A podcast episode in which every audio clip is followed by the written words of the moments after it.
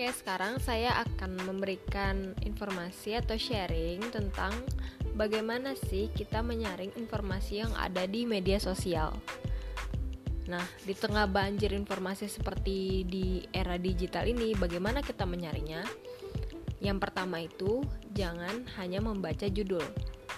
Media online atau versi online media arus utama yang sangat bergantung pada klik.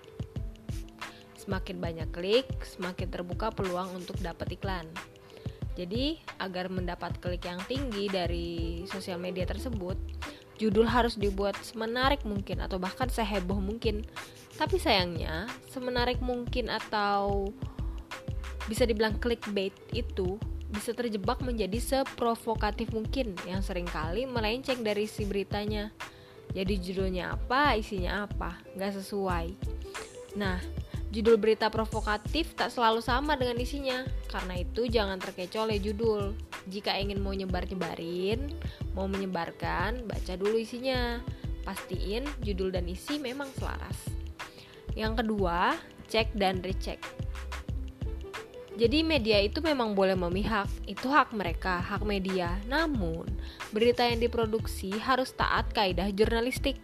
Pembaca artinya kita semua mesti lebih rajin melakukan cek dan recheck terlebih dahulu sebelum menjadikan sebagai referensi. Kita cek ke media lain yang menjadi lawannya. Bagaimana sih sudut pandang media tersebut terhadap hal yang sama? Nah, biasanya kita bisa membandingkan informasi dari tiga media yang berbeda untuk menyaring informasi atau lebih. Jika sebuah berita hanya dibuat dimuat di satu atau dua media, saya cenderung hati-hati menggunakannya sebagai referensi. Nah, jika lebih banyak lagi media yang berbeda dengan kesamaan informasi dan tentunya tetap dicek and recheck lagi, baru deh kita bisa menggunakan itu sebagai referensi. Dan yang ketiga, ikuti akun-akun terpercaya. Kita memang bisa punya kawan banyak di Facebook. Nah, bisa mentok atau fullnya sampai 5000. Kita juga bebas mengikuti orang lain di Twitter tanpa batasan jumlah. Begitu juga di Instagram ataupun di media sosial lainnya. Tapi hidup kita tuh akan lebih ruwet kalau informasi yang mengalir tuh terlalu banyak. Jadi teman-teman di Facebook yang sebenarnya kita nggak pernah kenal, tapi membanjiri informasi atau ibaratnya spam. Nggak nge-spam sih tapi kita nggak kenal mereka tapi kita temenan. Mungkin zaman dulu uh, sering yang seperti itu ya. Jadi kita jadi kebanyakan informasi. Nah itu bisa di unfollow nah jika enggan untuk di unfriend nah demikian pula di twitter. Unfollow aja akun-akun yang berisik dengan informasinya yang gak akurat. Apalagi banyak yang sebar hoax atau hoax kalau di spelling Inggrisnya.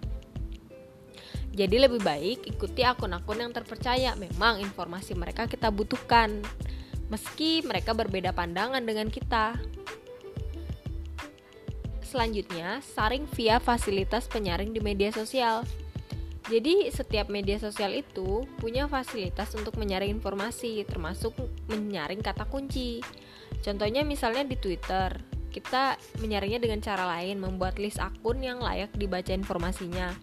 Isinya beberapa akun, baik punya kesamaan maupun perbedaan pandangan mengenai isu tertentu, tapi jumlahnya terbatas. Ya paling banyak 100 akun agar informasi yang mengalir ke otak bersih dari sampah informasi. Dan juga kita juga misalnya di dalam Instagram kita uh, di explore itu banyak banget kan eh, hal-hal uh, yang kadang nggak unrelated ke dalam uh, diri kita gitu.